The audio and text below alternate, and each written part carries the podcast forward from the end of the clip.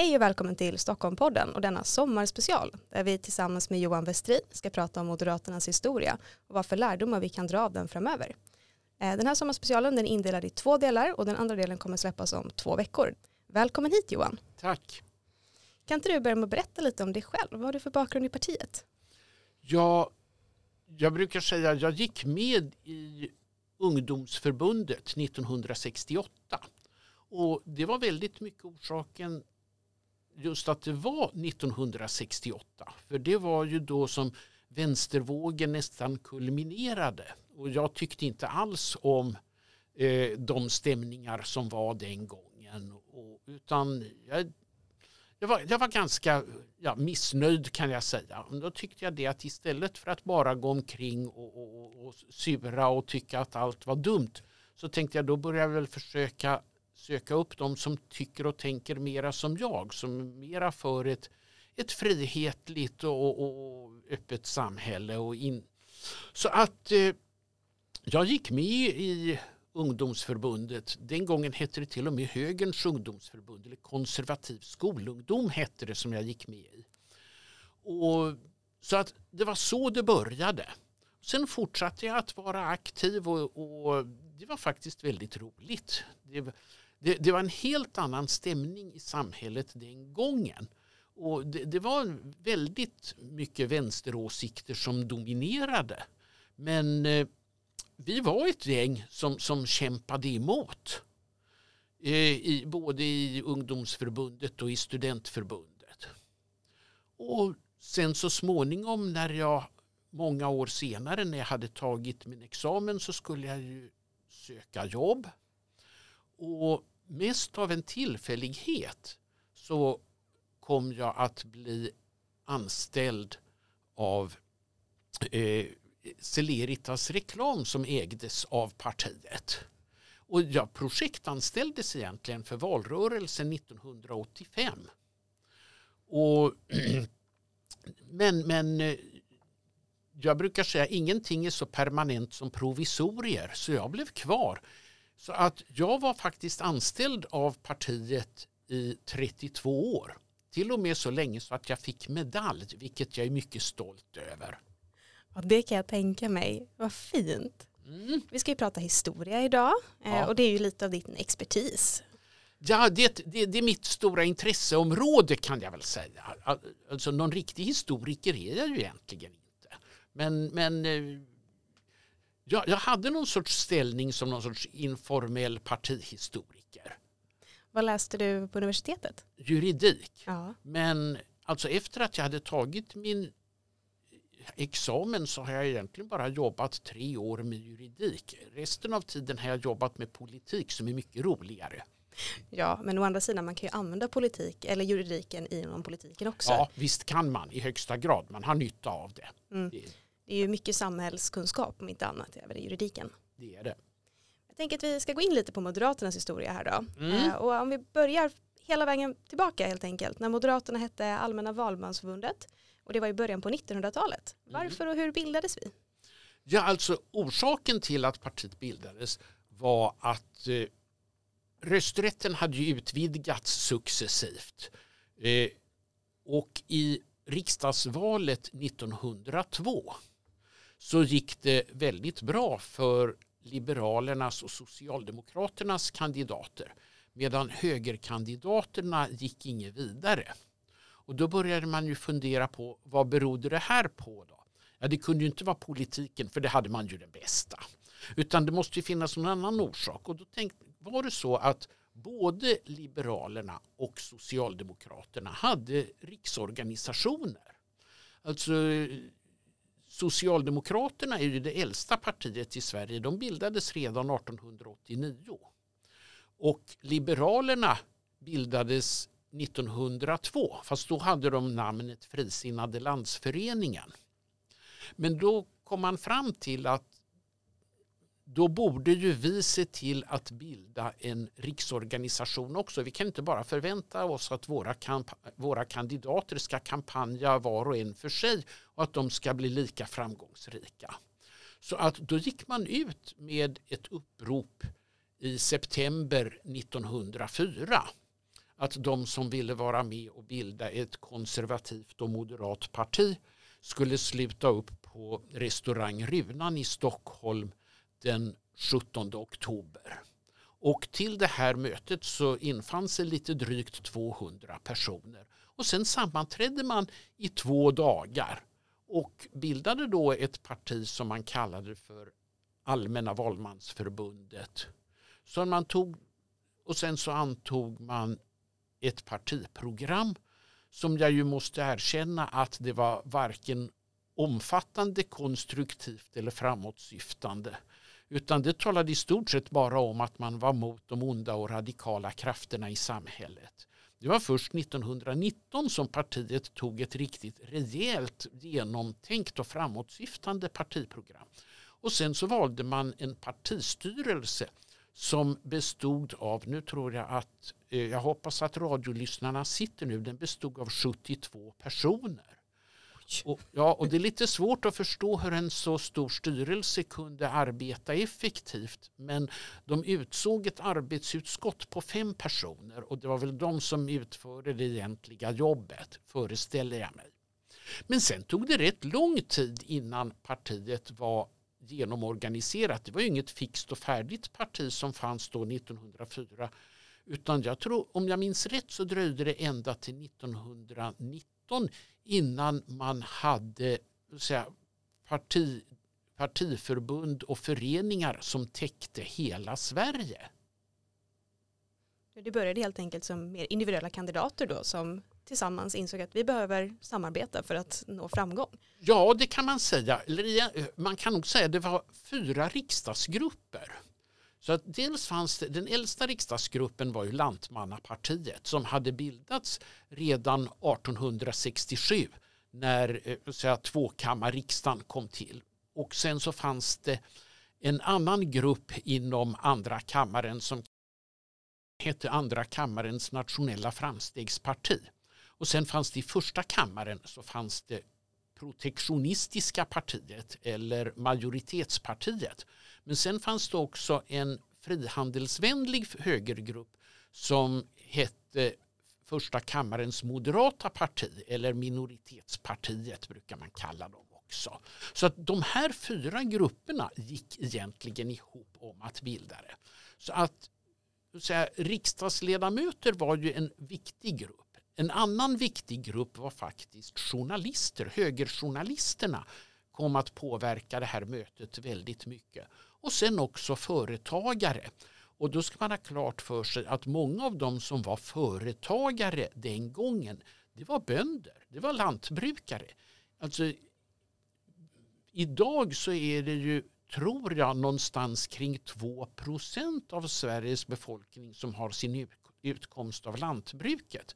Men vid förra sekelskiftet så var det någonstans ja, omkring 60 procent. Så att lantbruket hade en helt annan betydelse på den tiden än vad det har idag. Det är ju faktiskt väldigt spännande. Vi har verkligen fått en demografi, demografiförändring. Ja. ja, ja, det har vi. Ja, och vi har ju utvecklats som parti med den här förändringen får man ju ändå säga. Ja, absolut. Mm. Jag tänker att vi kan eh, gå in på eh, Arvid Lindman när han blev statsminister.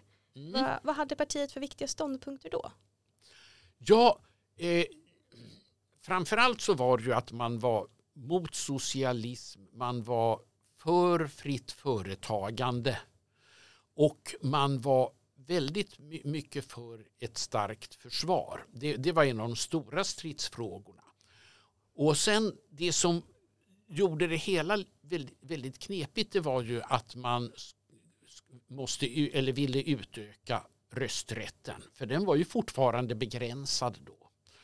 Och redan regeringen Boström som hade suttit i början av 1900-talet hade faktiskt två gånger lagt fram propositioner om utökning av rösträtten som hade men som hade blivit nedröstade i riksdagen. Eh, efter Norgekrisen, eh, och det var alltså 1905, så bildades det en liberal regering med Karl Staaff som statsminister.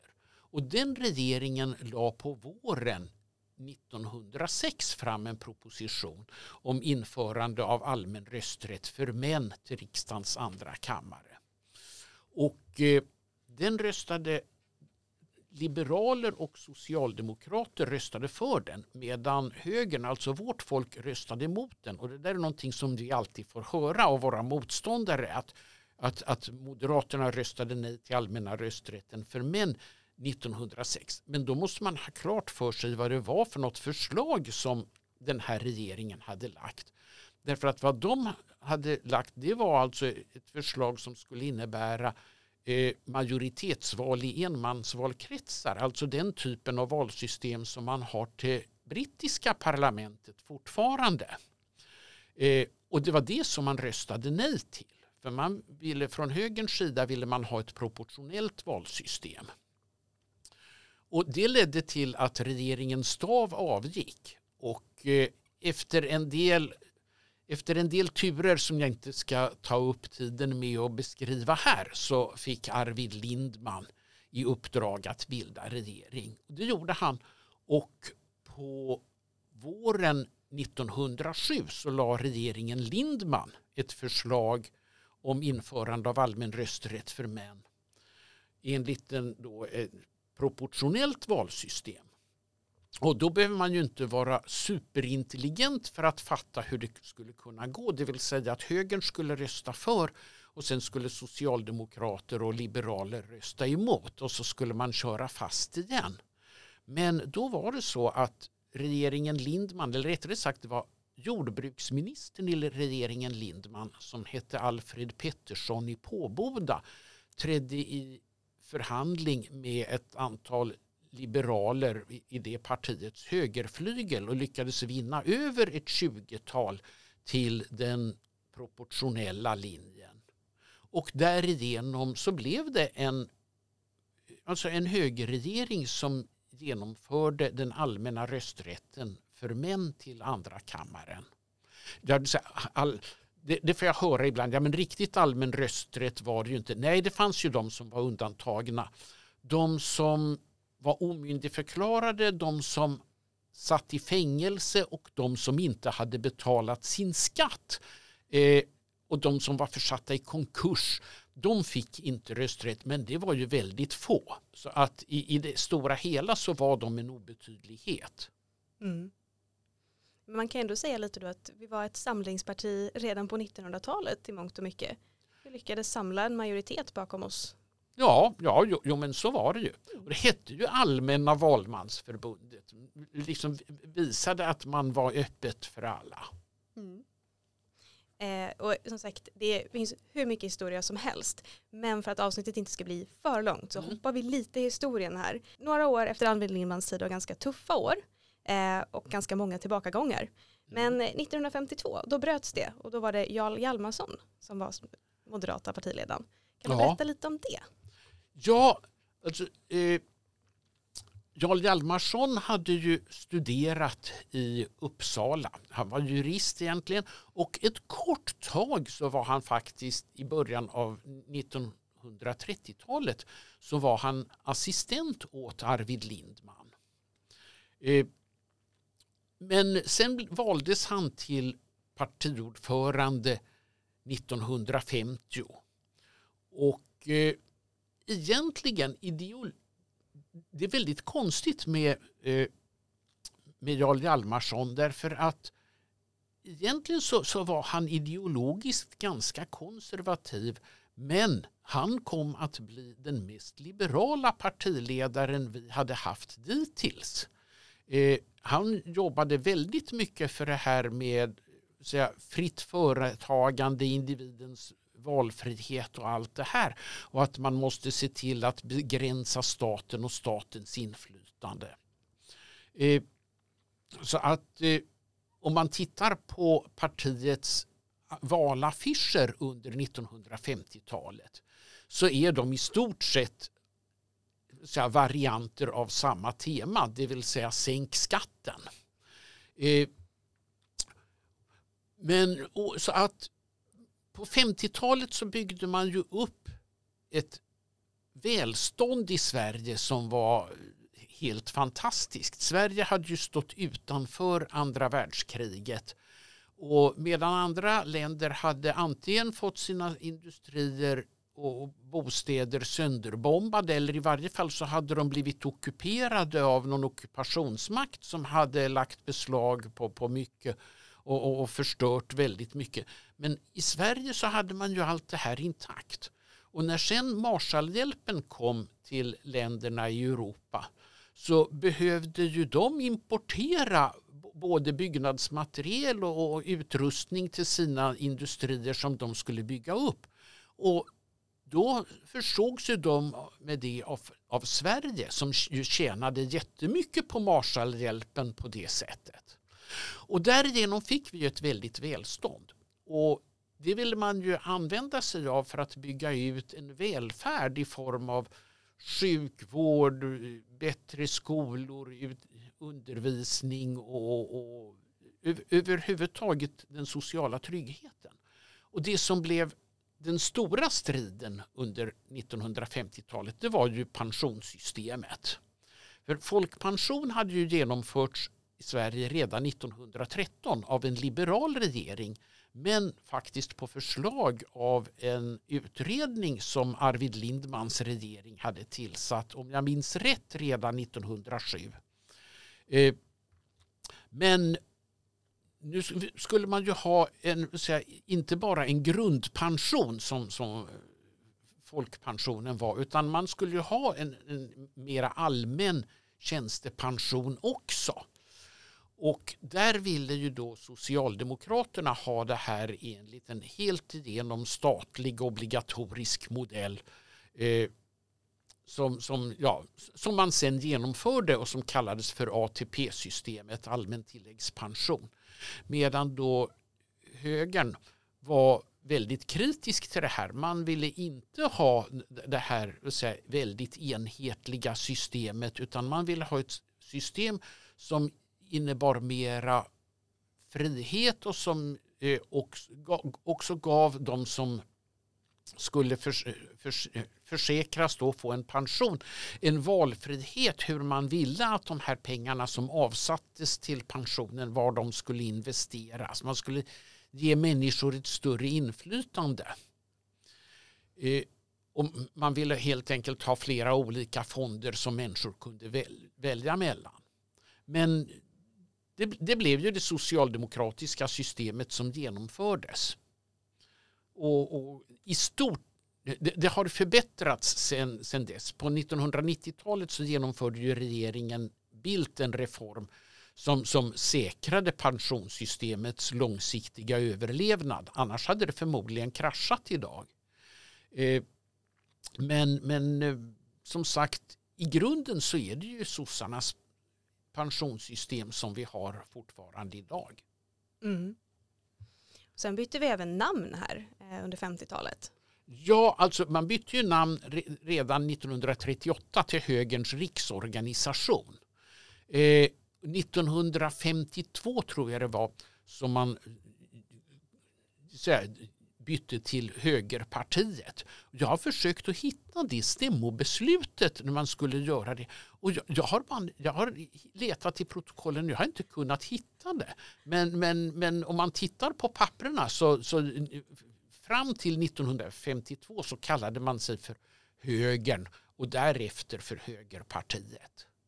Ja, det är intressant det där. Jarl Hjalmarsson har även fått en stiftelse uppkallad efter sig.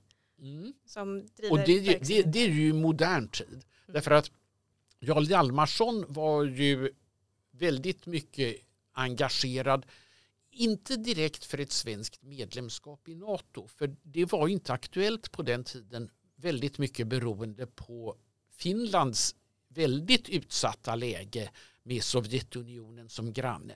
Men han ville ju ha ett närmande till de, här, de frihetliga demokratierna i Västeuropa och ett mycket mera här, klart ställningstagande mot Sovjetunionen och, och dess satellitstater och, och det förtryck som de i, i, utsatte de här satellitstaterna för. Och framför allt så riktade ju Jarl Hjalmarsson väldigt, väldigt kraftig kritik mot regeringen efter Ungerninvasionen 1956 att man inte markerade kraftigare mot den. Och det ledde ju i sin tur till att regeringen inte lät Jarl Hjalmarsson få bli delaktig, få komma med i Sveriges delegation till FNs generalförsamling. Och det var ju en eh, rätt elak markering från regeringens sida. Eh, så att Jarl Hjalmarsson var väldigt engagerad just för det, det som vi tycker är självklart att Sverige står för idag det vill säga uppslutning bland de här, demokratiska rättsstaterna i Europa och de värden som de står för mot totalitära länder som till exempel Ryssland idag. Ja, du, vet, du vet ju själv. Mm. Ja men verkligen, det är ändå intressant. Vi har alltid hållit den frihetliga linjen även i utrikespolitiken. Ja, ja. Mm. Eh, och, där, och där kan jag ju säga att det, där fanns, det fanns ju inom partiet i början av 1930-talet strömningar, alltså de som var dragna till nationalsocialismen i Tyskland. Men där markerade ju Arvid Lindman väldigt kraftigt eh, mot det. Och det ledde till att i, eh, i februari 1934 så skedde det en brytning. En, det var en grupp som, som sympatiserade med den nya riktningen i Tyskland som bröt sig ur högern och bildade ett nytt parti som hette Sveriges nationella parti. Eller Sveriges nationella förbund hette de egentligen till att börja med. Eh, om vi går vidare, eh, Gunnar Heckscher, han var den första MUF-ordföranden som blev partiledare. Mm. Det var ju lite annorlunda, för innan så gick du inte från ungdomsförbundet och upp då. Hur stort var det här? Det är svårt att säga för jag höll på att säga jag var, jag var ganska nyfödd den gången. Så att, eh, men, men, det är klart att ungdomsförbundet var ju en, och det är ju ungdomsförbundets uppgift, att vara här, en, en plantskola för partiet, engagera unga människor och eh, få dem att intressera sig för politik, att se till att de lär sig väldigt mycket. För man det är någonting som jag har märkt under mitt liv att man kan ju lyckas med politik även om man inte har varit aktiv i ungdomsförbundet.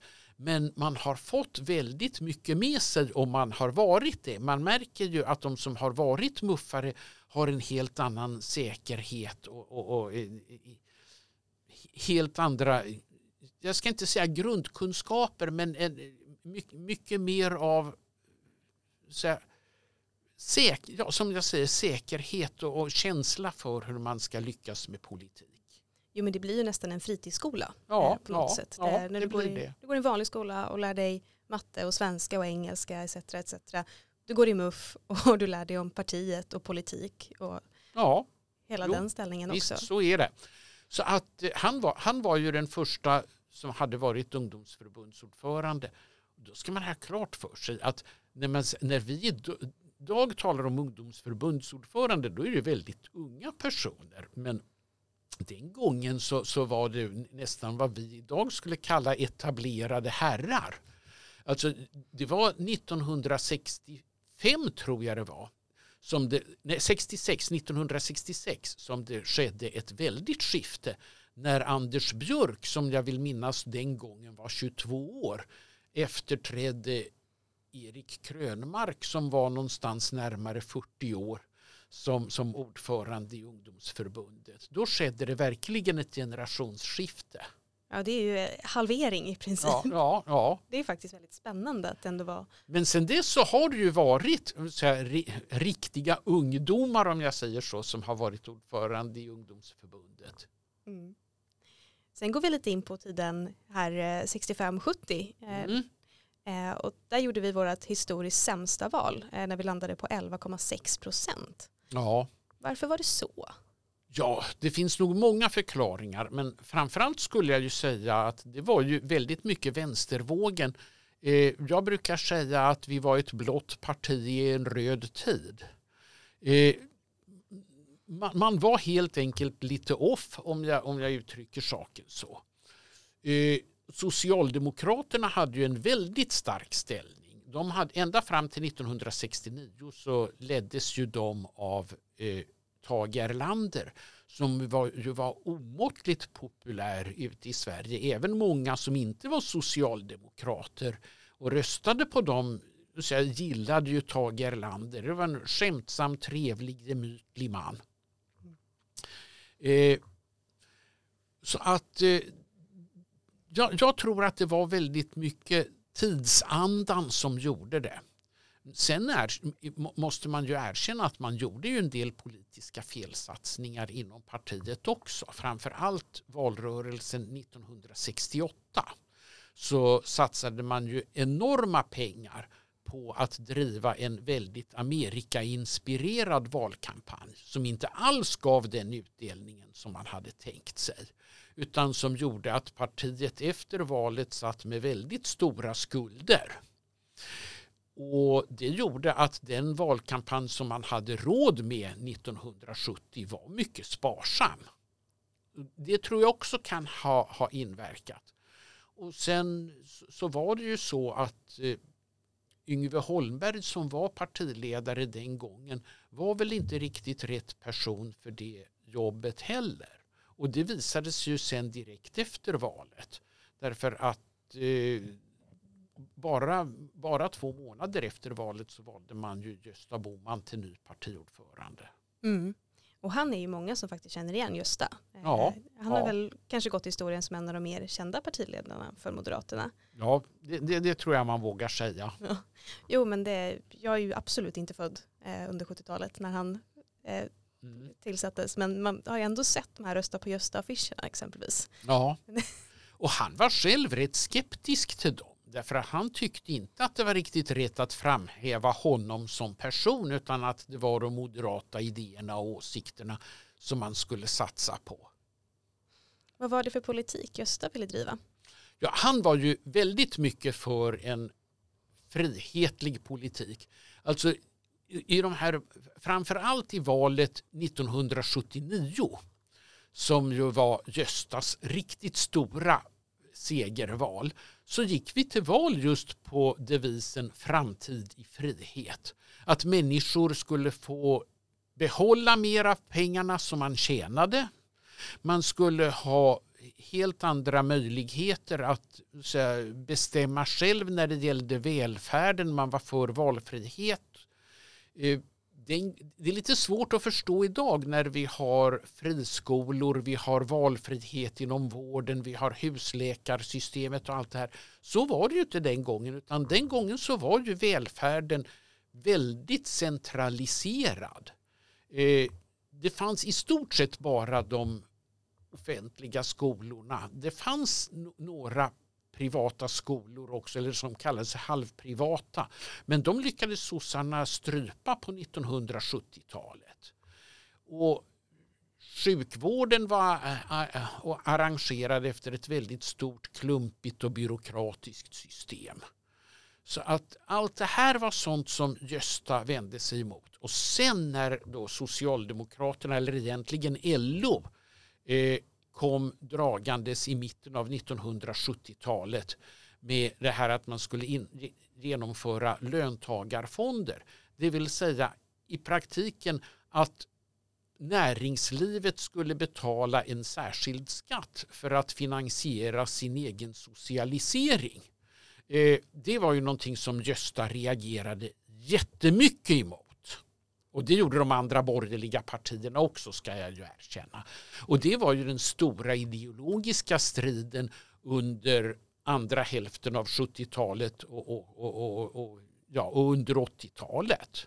Man, precis, man får inte glömma det heller att det har ju gått väldigt fort utvecklingen framförallt. Vi har ju faktiskt kunnat trycka på en hel del frihetsreformer.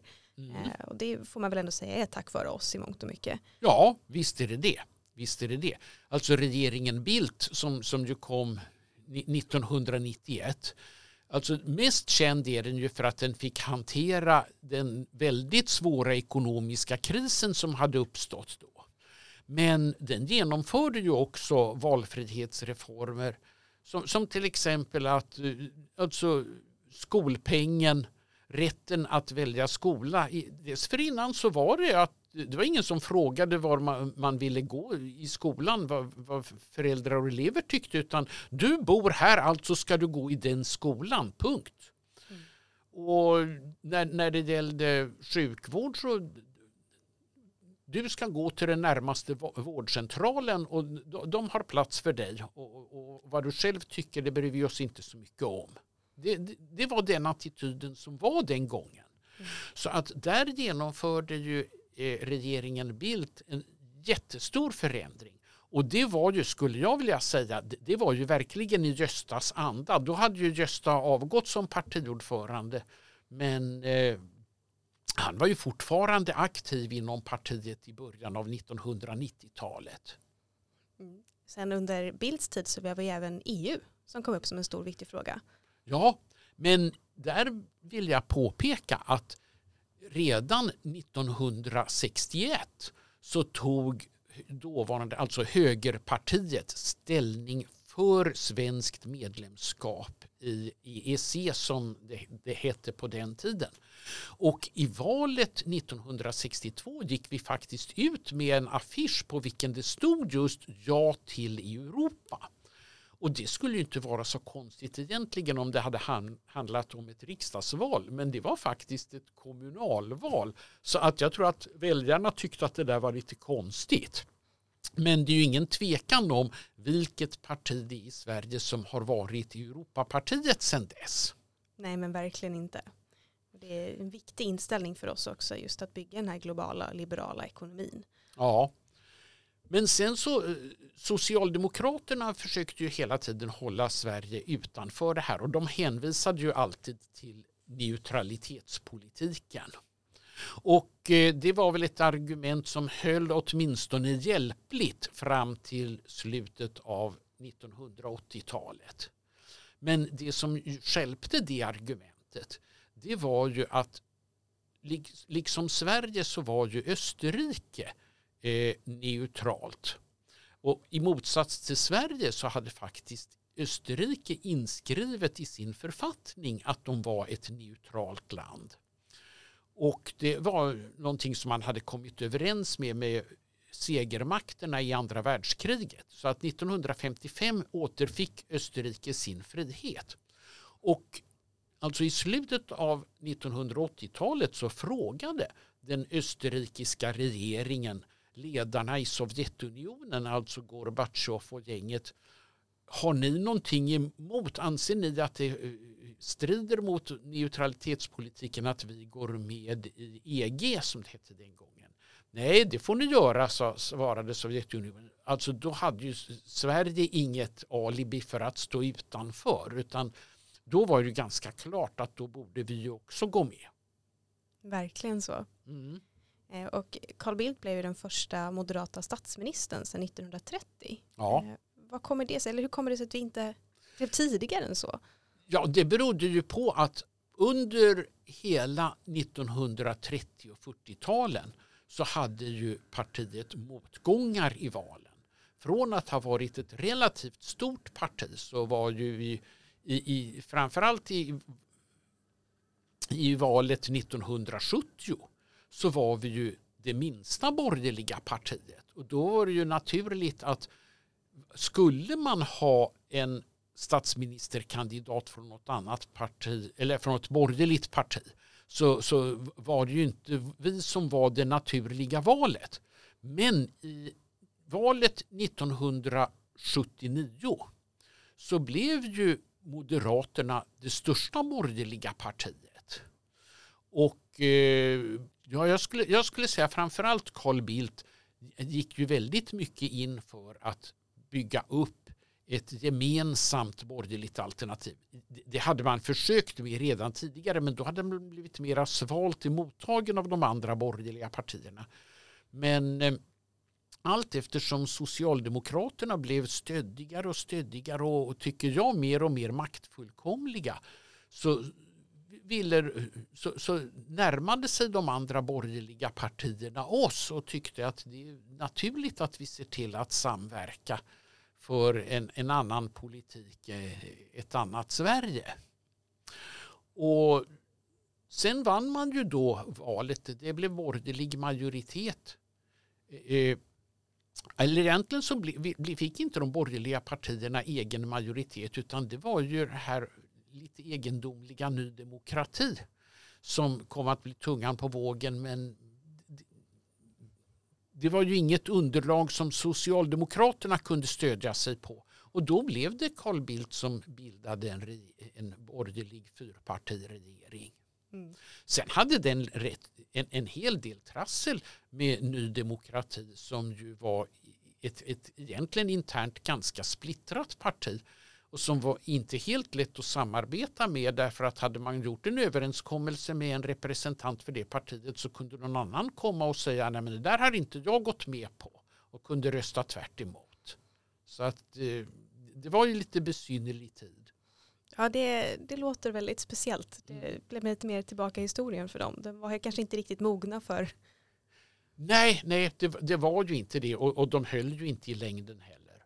Nej, det är precis. Det kan vi ju konstatera i alla fall lite att man behöver en ordentlig organisation och mm. struktur bakom för att det faktiskt ska bli bra. Ja, eh. ja. Sen så går det några år eh, för nästa vara framgångar efter Carl Bildt men då kommer i alla fall Fredrik Reinfeldt in här 2003. Ja. Eh, och där har vi ju faktiskt vår största moderata framgång hittills i valen. Ja, ja. Vad var framgångsreceptet på det?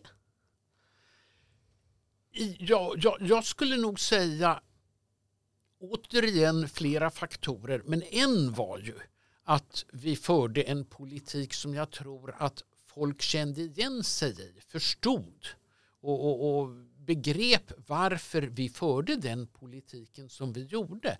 Att eh, bra villkor för företagsamhet gör att det blir flera jobb. Flera jobb gör att det blir mera pengar och mera pengar gör att det blir mera välfärd. Eh, och sen, intressant är ju att regeringen Reinfeldt hade ju faktiskt ganska dåliga opinionssiffror ända fram till våren 2010. Eh, och jag kommer ihåg att en av Sveriges främsta statsvetare hade ju sagt offentligt i tv att alliansen är rökt.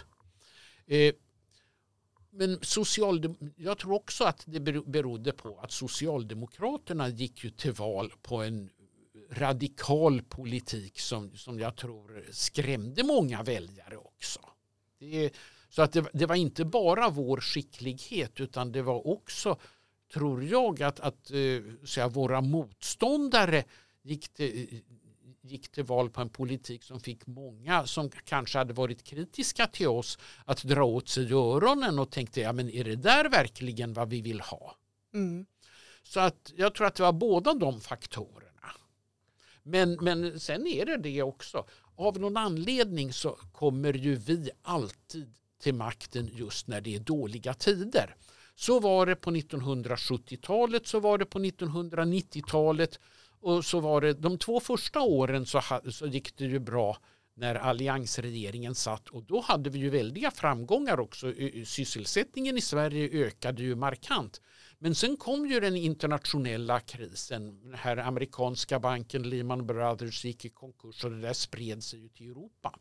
Men då var det ju så att även om Sverige drabbades av det här också så hanterade ju eh, alliansregeringen det här på ett faktiskt väldigt skickligt sätt. Så att Sverige hörde ju till, till de länderna som kom mest helskinnade ur det här. Även om det innebar prövningar för oss också. Och det tror jag att väljarna också var medvetna om. Mm. Ja, och nu sitter vi också i en ekonomisk svår situation. Ja, ja. och hur det här kommer att sluta det vet vi ju inte. Så att det är, det är en väldigt spännande tid vi lever i nu. Spännande och jag skulle nog vilja säga när man ser det utrikespolitiskt rätt otäck också. Ja, absolut. Det är mycket sånt som man kanske inte hade tänkt ens var på kartan för fem tio år sedan. Mm. Som vi får se idag. Ja, så är det. Eh, efter Reinfeldt så tar Anna Kinberg Batra över och blir Moderaternas första kvinnliga partiledare. Ja. Var det, hon sitter ju inte jättelänge. Nej. Eh, men var det, det, det berodde inte på att hon är kvinna gissar hon... det, tror, det tror jag inte. Men hon fick ta över i ett väldigt besvärligt läge. Därför att eh, regeringen, Reinfeldt, föll ju i valet eh, 2014. Och Socialdemokraterna bildade regering men hade inte något riktigt stabilt regeringsunderlag heller. Och vi drev ju vår politik så, även i opposition och röstade för det. Och det visade sig att Socialdemokraterna hade ju en minst sagt svajig regeringsgrund. Och i det läget så ingick man ju den här decemberöverenskommelsen. Och den är ju oerhört omstridd. Jag säger inte att man gjorde rätt, men en del människor vill ju idiotförklara hela decemberöverenskommelsen och det tycker jag ändå är fel därför att den byggde faktiskt på att man skulle kunna föra en långsiktigt hållbar politik som skulle innebära att Sverige skulle klara en god statsekonomi utan underbalanserade budgetar under de här fyra åren som skulle komma. Och det, det, är någonting som man talar väldigt tyst om idag. Utan de säger att det var bara ett sabotage mot folkviljan. Och, eh, ja, ja du har säkert hört det själv också. Men, men det fanns faktiskt någonting som var, var genomtänkt och konsekvent i politi den politiken. Nu visar det sig att det höll inte ändå. Utan, utan decemberöverenskommelsen sprack ju. Mm. Eh, och då hamnade vi i ett väldigt osäkert läge. Och Sen kan man ju diskutera väldigt mycket. Fanns det sånt som man hade kunnat göra skickligare som man hade kunnat göra bättre? Partiet var ju tvunget, tvunget att reformera sin politik. Det var uppenbart att vi levde till exempel i en internationellt mycket mer osäker tid. Man måste satsa mera på försvaret. Eh, det var också bara att konstatera att den migrations politik som man hade fört dittills var inte långsiktigt hållbar utan man var tvungen att överge den. Och när ett parti gör sådana här tvära svängar så uppfattas ju det av väljarna som väldigt konstigt och väldigt inkonsekvent. Mm. Eh, och där var det nog så att där var Sverigedemokraterna skickligare än vi på att fånga upp det här att här skedde det en omsvängning. Och då, då, tyckte nog väldigt många väljare att ja, men det här är ju vad de där har sagt hela tiden. Eh, och att då förklara att det är en väldig skillnad mellan att ha en vara konsekvent negativ till människor från andra länder och att ha en inställning att det är faktiskt bra att vi ändå har utbyte med andra länder och andra kulturer men att konstatera att det finns praktiska gränser för hur mycket, många vi kan ta emot här i Sverige utan att vi måste bli mer restriktiva. Det, det var inte alldeles lätt att, att, att få alla att förstå. Nej, nej men och sen blev ju hela motståndet mot Sverigedemokraterna gjorde ju lite också att det blev skygglappar på exakt alla andra. Mm. Eh, för att det var så viktigt i både opinionen och i övriga, liksom att man skulle ta ställning till det här. Ja. Att det kanske skapade vissa fördröjningar i politik. Så, så var det nog. Det, det är nog riktigt. Mm. Eh, vi ska avrunda den här första delen. Vi är ja. som sagt tillbaka här om två veckor med nästa del och då ska vi prata lite om vad mer vi kan dra för lärdomar. Vi har ju kommit in lite på det här och var men vi fortsätter. Men tack så hemskt mycket för den här dragningen Johan. Ja tack. Ja, det... det är bara roligt att få vara med. Ja, jag känner att vi hade kunnat göra tre avsnitt till med det här och prata ännu mer. Det är otroligt härligt. Eh, men som sagt, vi hörs igen om två veckor och tills dess så önskar vi er fortsatt en trevlig sommar.